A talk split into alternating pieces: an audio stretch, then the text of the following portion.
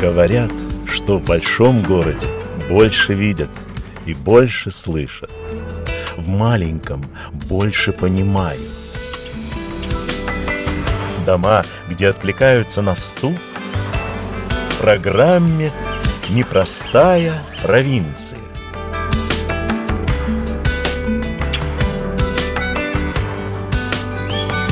Программу «Непростая провинция» также можно послушать на веб-сайте Латвийского радио 4 LR4 LV и на всех основных платформах потокового вещания подкастов. Здравствуйте, я Ольга Гудис. Сегодня мы в Курзаме, поселке Раньки Кулдикского района, расположившегося на левом берегу Венты. До Кулдиги 23 километра, зато до Скрунды 12. Всего минут 15 на местном автобусе я еду в гости к замечательной художнице Илоне Шауше. Она создает фантастическую обварную керамику, придающую предметам теплоту и душевность архаики. Делает она и музыкальные инструменты. Дудочки и свистульки, такие причудливые, словно пришедшие к нам от неведомых цивилизаций. Илона жила в Даугавпилсе, и вот теперь оказалась на западе страны, организовав здесь, на маленьком хуторе, экспериментальную лабораторию пермакультуры Краули. Что это такое, нам и предстоит узнать. Сами раньки я проезжаю и выхожу на перекрестке, где меня встречает Илона. Очень тоненькая, хрупкая, босоногая. По обеим сторонам шоссе необозримые золотые поля подсолнухов. Замечу, что я была там в середине августа – какое нехарактерное поле, как будто мы в Украине. Поле подсолнухов. Ну, в прошлом году уже началась такая акция «Садить поле подсолнухов». Это инициатива, или просто он поддержал. Вот там есть, видите, большие два предприятия, Биагро и Гранова. Хозяин их Волкер Хопнер с Германии уже много лет здесь живет, уже у него тут семья, и он уже выучил латышский язык. В общем, он в прошлом году посадил поле в рамках акции поддержки Украины. И, Значит, я правильно думаю. Да, и в прошлом году в этом поле подсолнухов была выкашена такая полянка, и там был концерт со скамейками, там все такое. Была неимоверная жара, но администрации Пагас там выстроили тень такую, здесь спрятаться в тени, но эстрада сама собой, естественно, для выступающих, но для зрителей. И там были такие картонки, из которых можно было себе веерочек сделать, обмахиваться. Там были стеклянные баночки с водичкой попить. Жара была около 30 градусов. А вот это поле, здесь не только подсолнух, это поле для пчел. И тут посажен такой набор семян, который уже там с начала лета. Все новые и новые цветочки появляются. Сначала одни, потом другие. Вот веселые, вот видите, еще несколько. И вместо нее уже тут идет подсолнух. Еще вот, не знаю, как по-русски Ой, я туда не спущусь. Вот такие вот цветочки. Вот я не знаю. Видите, там еще так розовый. Но вы там далеко не записывается. Ну, И еще отвернулись. Это... Видите, вот там еще всякие. В общем, ну да, всякие цветы. Да, которые сменяют друг друга все время пчелкам есть что собирать. Как мудро. А кто держит пчел? Я не знаю, кто держит пчел, но поскольку вот этот полкер занимается сельским хозяйством крупном масштабе, в общем, тут его тоже поле, тогда он не только э, выращивает и что-то там спрыскает, но и заботится о других таких маленьких существах, как пчелки. И много пчел здесь можно слышать. Ну, вот, но сейчас уже, сейчас, сейчас уже поздно. не чувствуется, да, но бывает, конечно. Жужжат? Жужжат, жужжат. Когда стоп нужно было снести, там было гнездо аиста. В общем, он тоже восстановил другое и поставил там, чтобы аисты продолжали бы прилетать. Но подсолнухов семена наверное, не вызревают. И вообще вызревают. Вызревают мне даже? домой были посажены несколько в прошлом году. Они мне вызрели. Я кое-что собрала, кое-что там птичкам оставила. Ну и я тоже подкармливаю зимой.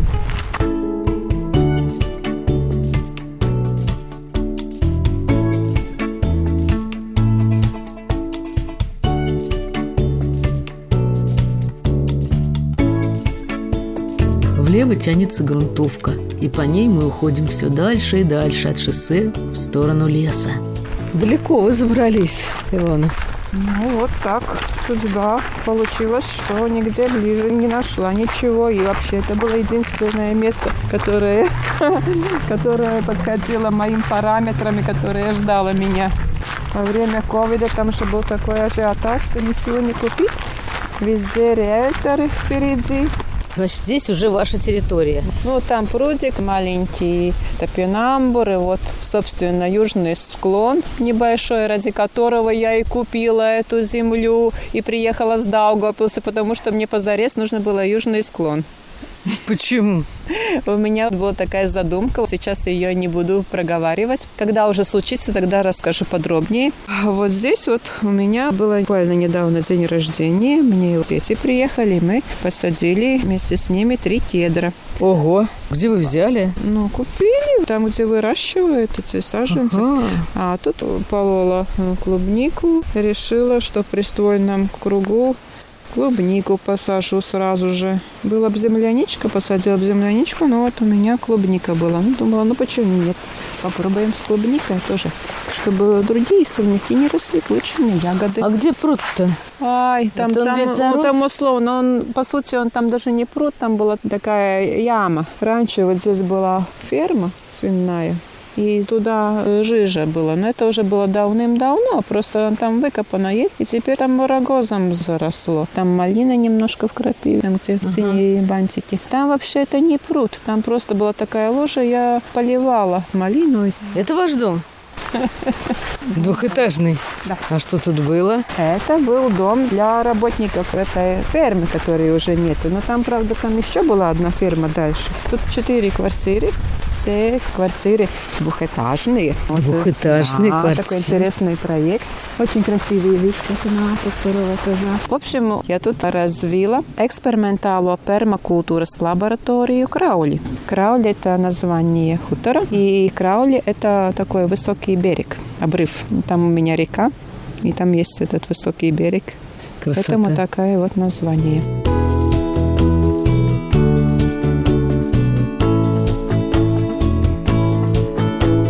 Участке высокие, ну прямо очень высокие длинные грядки. На них сплошь томатные кусты, едва стоящие под тяжестью внушительных гроздьев крупных помидоров разной степени спелости. Вот эти вот помидоры вы здесь экспериментально сажаете? Ну, тут я тут пробую всего чего. Это холмистые гряды. Вот это есть в спермакультуре вот такое изобретение. В спермакультуре все делается тогда, если каждая вещь имеет, по крайней мере, несколько функций.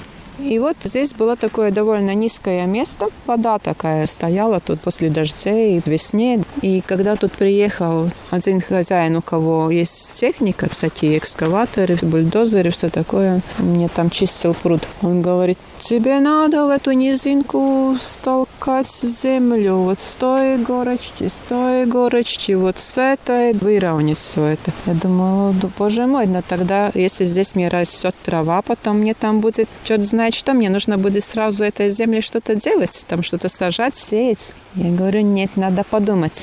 И потом говорю, лучше тут не землю привозить, а выкопать здесь две траншеи. И он выкопал траншеи, я туда... Это между этими грядками? Место этих грядок. И туда я накидала. Мне тут бобер был поработавший, поливший много осин, они уже трухлявые такие были, и вообще в лесу много падших таких деревьев. Я их туда накидала, накидала старую деревянную мебель из дома, что мне тут было всего такого. В общем, все это похоронила. Там и большие ветки, деревянные объекты, артефакты, мелкие веточки тут, и трава кошенная. Обратно пересыпала этой выкопанной землей. Сверху еще мульча сена. И вот теперь эти грядки, такой долгосрочный вклад, эти ямы тут же, вот эти траншеи наполнились водой. Деревья трухлявые впитывают в себя влагу, как мочалка. Они потом сохраняют длительно эту влажность. Мне не надо поливать эти горки. Это все постепенно разлагается медленно-медленно. Значит, что не нужно удобрять. И в этом году, тут я уже поредила, но там, вы видите, помидоры, их тут слишком много, даже чего им кушать, они прямо такие ожирели, хотя я им ничего не кормила Помидоры особо. шикарные просто. Да, и еще тут... И, плюс- наверное, у них запах и вкус помидоров. Ну да. Или нет? Вы так сказали. Попробуем, потом попробуем. И тут еще микроклимат, потому что от того, что там разлагается, это древесина, это тепло. Эти грядки теплые. Причем они еще ловят солнце и дает от ветра такой барьер. Потому тут такое Здесь вообще даже ветра нет.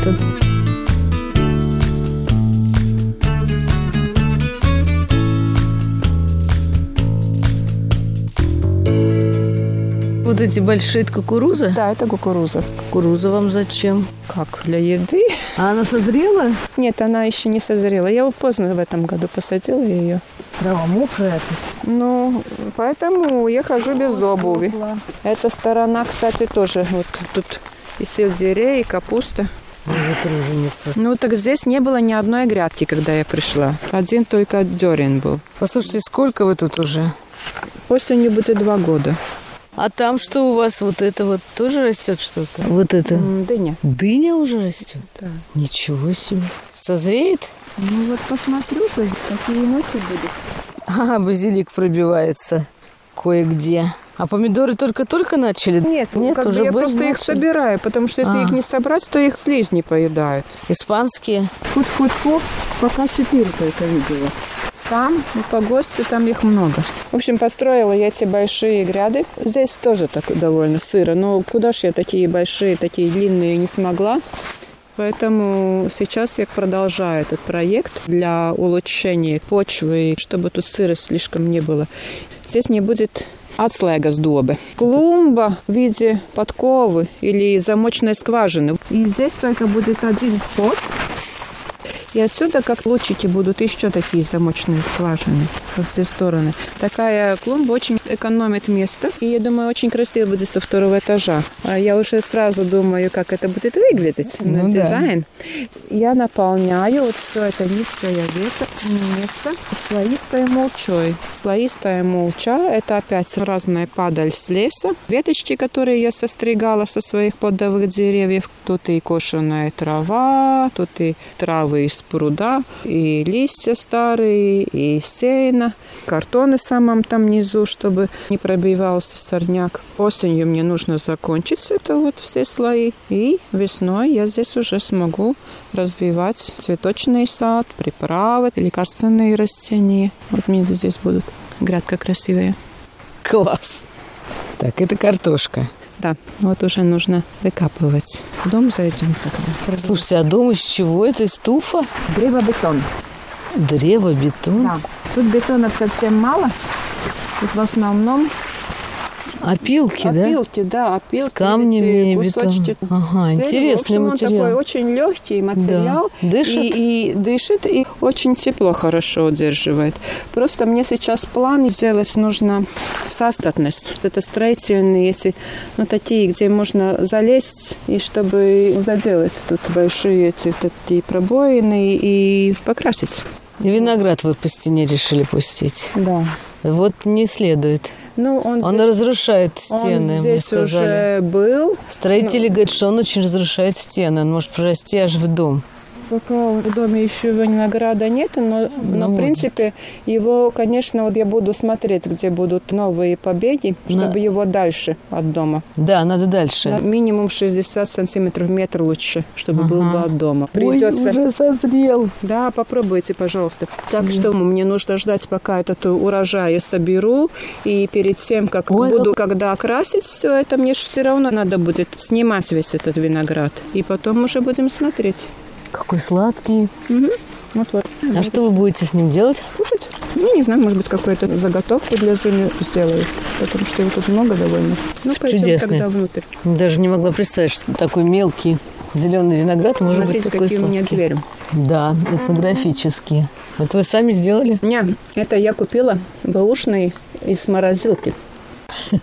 И там были четыре штуки, и мне как раз четыре звери надо было. Толстые, Да, 18 сантиметров. Хорошая термоизоляция. с ручками такие такими. Ну, ручки я уже сама приделала такие.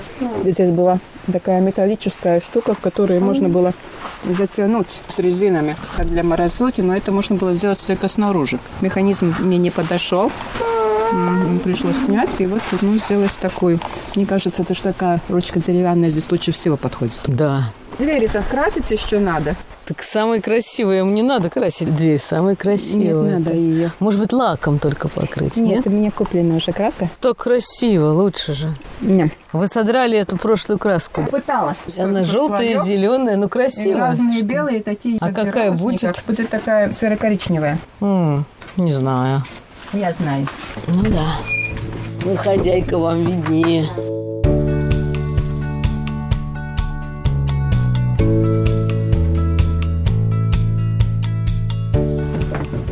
Ого, совершенно аутентичный домик. Здесь мне и кухня, и столовая, и гостиная, и спальня, и мастерская, и все на свете. Вы только в одной комнате живете, Ну, там есть еще две. но они не жилые. Ну, потом увидите, какие они. Но знаете, это в городе надо много квадратных метров. А на деревне не надо. Потому что весь день на улице. Ну, когда топлю зимой, мне не надо весь дом отапливать. Мне хватает. Ну, уютненько. Да. Мне тоже нравится. Это уже ваши работы. Да. Нептун и русалочка на стене керамические. Ну вот сразу видно, что художник.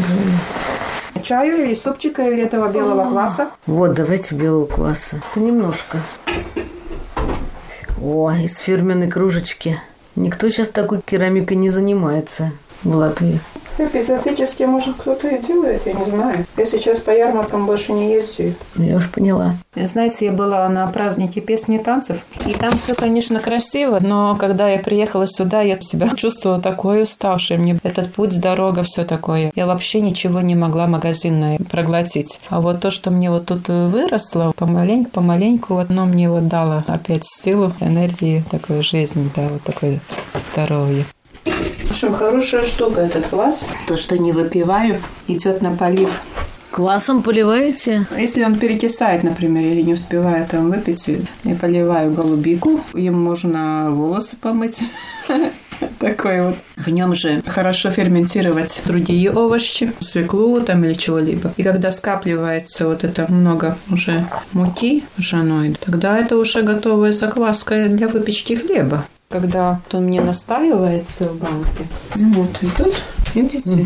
Вот это ржаная мука. Ее каждый раз добавляешь новое. И когда там много, я беру. И можно добавить либо в оладьи, либо в какую другую выпечку. Так что я все время смотрю, чтобы у меня был это закваска. И много у вас посуды осталось этой вашей красивой, необыкновенной. Ну вот сколько могла, столько Вашего привезла. творчества. Там что-то там еще осталось в Даугавпилсе. Ну, я так помаленьку, когда туда езжу, я что-то там забираю. Помаленечко, помаленечко.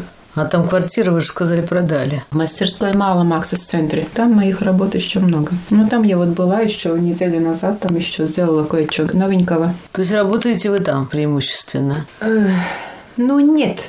Просто когда я там есть, я использую эту возможность. А так я сейчас вообще не разделяю такое, например, вот искусство, там не искусство. Я занимаюсь созиданием, творчеством. И это совершенно все равно. Если я раньше делала керамические скульптуры, огненные скульптуры, из снега скульптуры, еще всякие разные там ленд-арт проекты, это тоже разные материалы. Те же самые творческие идеи воплощаются в разных материалах то здесь, может быть, весь мой этот проект, можно сказать, такой своеобразный ленд-арт проект. Он не для галерей, не для музея, это для меня, лично для моего сердца.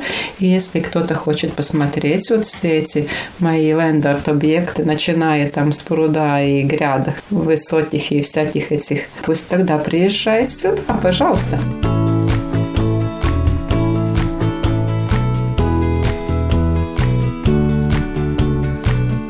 Хутор со всех сторон окружен лесом. Во всяком случае, так кажется. Потому что за одним леском оказалось поле. Другая тропка вела через пруд и луг с высокими травами к реке, а уже за ней сплошные заросли. Но впечатление такое, что ты находишься на экзотическом острове, вдали от цивилизации. Здесь проводился фестиваль пермакультуры были разные мастер-классы, были очень интересные мастера, которые показывали разные такие приемы, техники. Мы там строили всего чего. А много людей, которые занимаются этим в Латвии? Их становится все больше, потому что люди, которые узнают о пермакультуре, очень многие как бы подсаживаются на эту тему. И 12 лет назад это было, может быть, 30 пермакультуристов, я не знаю, там началось все это с 10 энтузиастов, но теперь уже их за 200 членов в этом обществе. Это общество продолжает расти. В этом году был уже 10-й фестиваль пермакультуры в Латвии, и были маленькие такие фестивальчики по разным хозяйствам в разных местах Латвии, в моем хозяйстве в том числе. И в конце был такой большой-большой заключительный в Резакненском районе в Роговке. Ну вот я там тоже проводила два мастер-класса, и там было уже гораздо больше людей. Но Мастер-класс это по изготовлению вот этих грядок? Нет, там не были другие мастер-классы. Один мастер-класс был по изготовлению домиков для одиноких пчел. Как, есть такие одинокие пчелы? Да, это есть как? такие, вот э, они не, не делают... Нет, они просто такие есть. Они не живут в семьях, и у них нету королевы, у них нету рабочих пчел, они все делают сами. Но они а, очень а, одинокие эффективные. Они, одинокие они потому, что они без королевы. они как? такой вид, но который, все равно рой, да? Нет, там нету никакого роя. А что, одна Это, пчела? Да, одна пчела, которая э, Отшельница? оплодотворяется с трутнем, так как и обычно, да, но в принципе она все делает сама. Сама делает домик, сама кладет эти яички, сама там приносит корм, сама заделывает эти все вот, э, ну и как бы... Это прям ваша сестра одна. Ну вот, возможно, мне уже вы не первая, кто это отмечает. Да, ну и потом у меня было второе такое ознакомление, дискуссия с названием «От эго до эко». В общем, мы говорили насчет связей, насчет того, что в мире является таким, что может объединить группу людей. А вот как вам кажется? Что может объединить да, людей? Да, что может их удержать вместе? Чтобы сейчас, они там не перессорились, чтобы сейчас они так шли трудно, бы... сейчас только вражды, вот, война. Вот поэтому вот подумайте, Такой как вам ужас. кажется, если вам кажется, возможно ли это? Если возможно, тогда что? Ой, даже не знаю. Ну вот я тоже там сделала такой опросник, очень интересные разные были ответы. Знаете, я перед тем, как купить вот эту хутор, я закончила курсы дизайн пермакультуры и землеустройства. Я училась в России больше года, но это было через интернет, конечно. Удаленно. Да, да, да. Угу. И сначала мне была просто идея, что я хочу дом с садом, и не задумывалась ни о чем больше. Курс был очень интересный, там было все, о климате, там было о постройках, лесосадах, о пастбищах, о энергии, там было постройки дамб, дорог. И в последние два модуля были социальный и экономический климат. И, ну, как художница, мне сначала казалось, боже мой, ну, то сколько тут всего чего такого, нужно ли мне это? Но когда я начала слушать, я увидела, какое же это интересное, на самом деле, перспективное дело. Я увидела, как это интересно, и увидела эту перспективу, я узнала, какой такой общественный модель выстраивается на моей учебной платформе, что я была так заворожена этим, и я поняла, что я хочу жить в такой среде, где вот такие вот принципы, выстроены такие вот связи между участниками, и как там принимаются решения, как решаются конфликты. В общем, вот такая интересная система, что я была даже готова поехать туда, хотя бы немножечко пожить в такой среде. Но начался ковид, и я поняла, что тогда будет мне билет в один конец, никуда не поеду, останусь здесь в Латвии. И когда я уже начала искать себе участок. И когда появился этот вариант с этим большим домом, с четырьмя маленькими такими квартирками, я подумала, хорошо, я вот могу попробовать сделать эту маленькую такую среду, как мне нравится здесь, на моем участке. И теперь я просто ищу соратников, те творческие люди, которые хотят, которым нравилось бы здесь созидать вместе в этой эксперименталой пермакультура с лабораторией Краули. И очень здесь нужен, прямо вызываю, такой человек, который умеет разные плотнические дела делать. Тогда можно было бы очень много идей реализовать, то, что я там изучала. Тут очень много таких возможностей, очень творческого человека. То есть вы призываете жить Да. В коммуне. Не совсем в коммуне, скажем, ну, мне не очень тоже нравится это второе слово кооператив, где каждый сам себе хозяин, где каждый может позаботиться самостоятельно о себе и об общем благе, потому что это очень важное дело. Уметь сотрудничать не только для себя, для своей семьи, но и для более широкого масштаба. И самый лучший работник – это когда сам хозяин. Поэтому я думаю, что вот кооперация – это он такой довольно успешный. Кстати, в Латвии тоже и много где в мире я читала об истории кооперативов. Это всегда было таким очень сильным процветанием.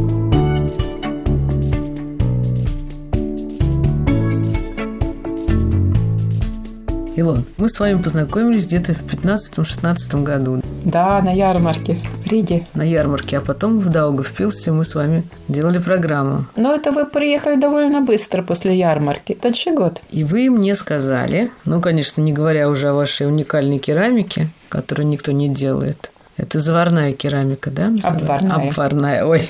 Обварная, да. Не будем сейчас об этой технологии. Если кто хочет, может эту программу послушать. И музыкальные инструменты вы делали. Да, мне потом после репортажа еще кугуар этот большой купили. Да? Помните, да, там да. был такой под яблоней, Шикарный, большой, да, трехметровый.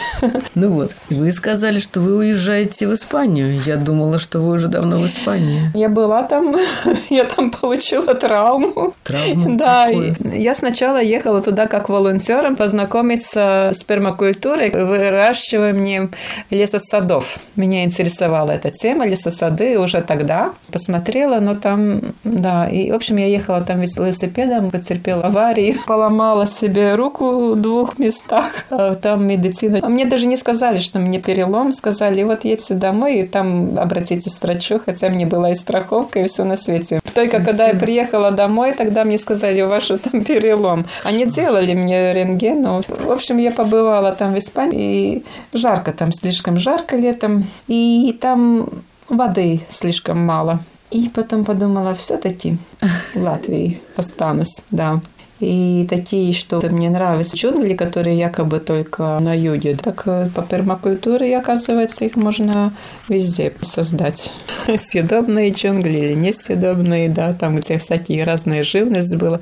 У меня здесь вот интересно, что когда я сюда пришла, здесь не было столько богатая фауна, как она вот сейчас, уже спустя два года. Потому что здесь я не видела ни одного голубя, когда я приехала. Но теперь у меня после поселились две пары под крышей и одна...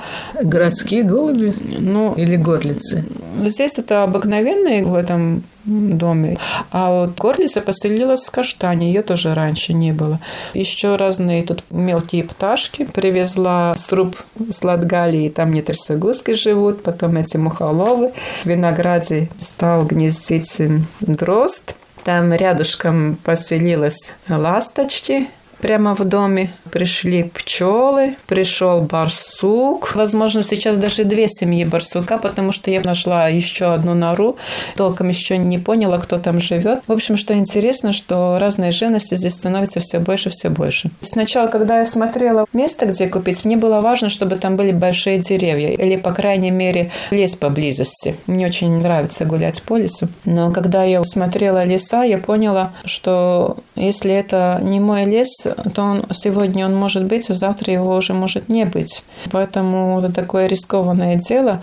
И если например, пруд могу выкопать везде, то больших деревьев уже не получу так запросто. Да? И поэтому вот когда я искала, мне было вот эти два фактора. Самые главные, чтобы было на южный склон и большие старые деревья. И рядышком здесь был лес, ну и теперь его уже нету государственного. Там вот это было кусочек леса, того вот вырубили. И деревья теперь там падают сами, те, ну, которые да, оставили. А, конечно, семена. были там оставлены вот эти некоторые маточные эти деревья, но если они все время росли под защитой других своих собратьев, и они остаются одинокими в сильных ветрах, их ломит, выгорачивается всеми корнями сильные ветра. Они погибают все равно очень скоро. И поэтому барсук к вам решил оттуда перебраться. Ну, я думаю, что он оттуда пришел. Тут, кстати, рис тоже меня посещает иногда. Рысь? Я вижу, да, я вижу его следы, где он помечает отметины на елочках, поцарапает. Но он тут редко бывает, у него большая территория.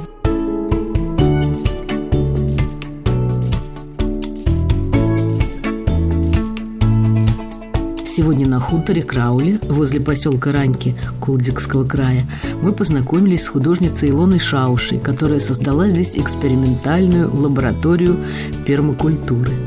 И, приглашая в свой дом умельцев-единомышленников, считает, что искусство – это образ жизни. И наоборот. Продолжение следует. С вами была «Непростая провинция», редактор компьютерного монтажа Инга Бедел автор программы Ольга Гудис. Если вам понравился этот подкаст – Порекомендуйте его своим друзьям и поделитесь им в социальных сетях. Нажмите сердечко или поставьте пятизвездочную оценку платформе, на которой вы нас слушаете. Спасибо. Всего вам доброго. До встречи через неделю.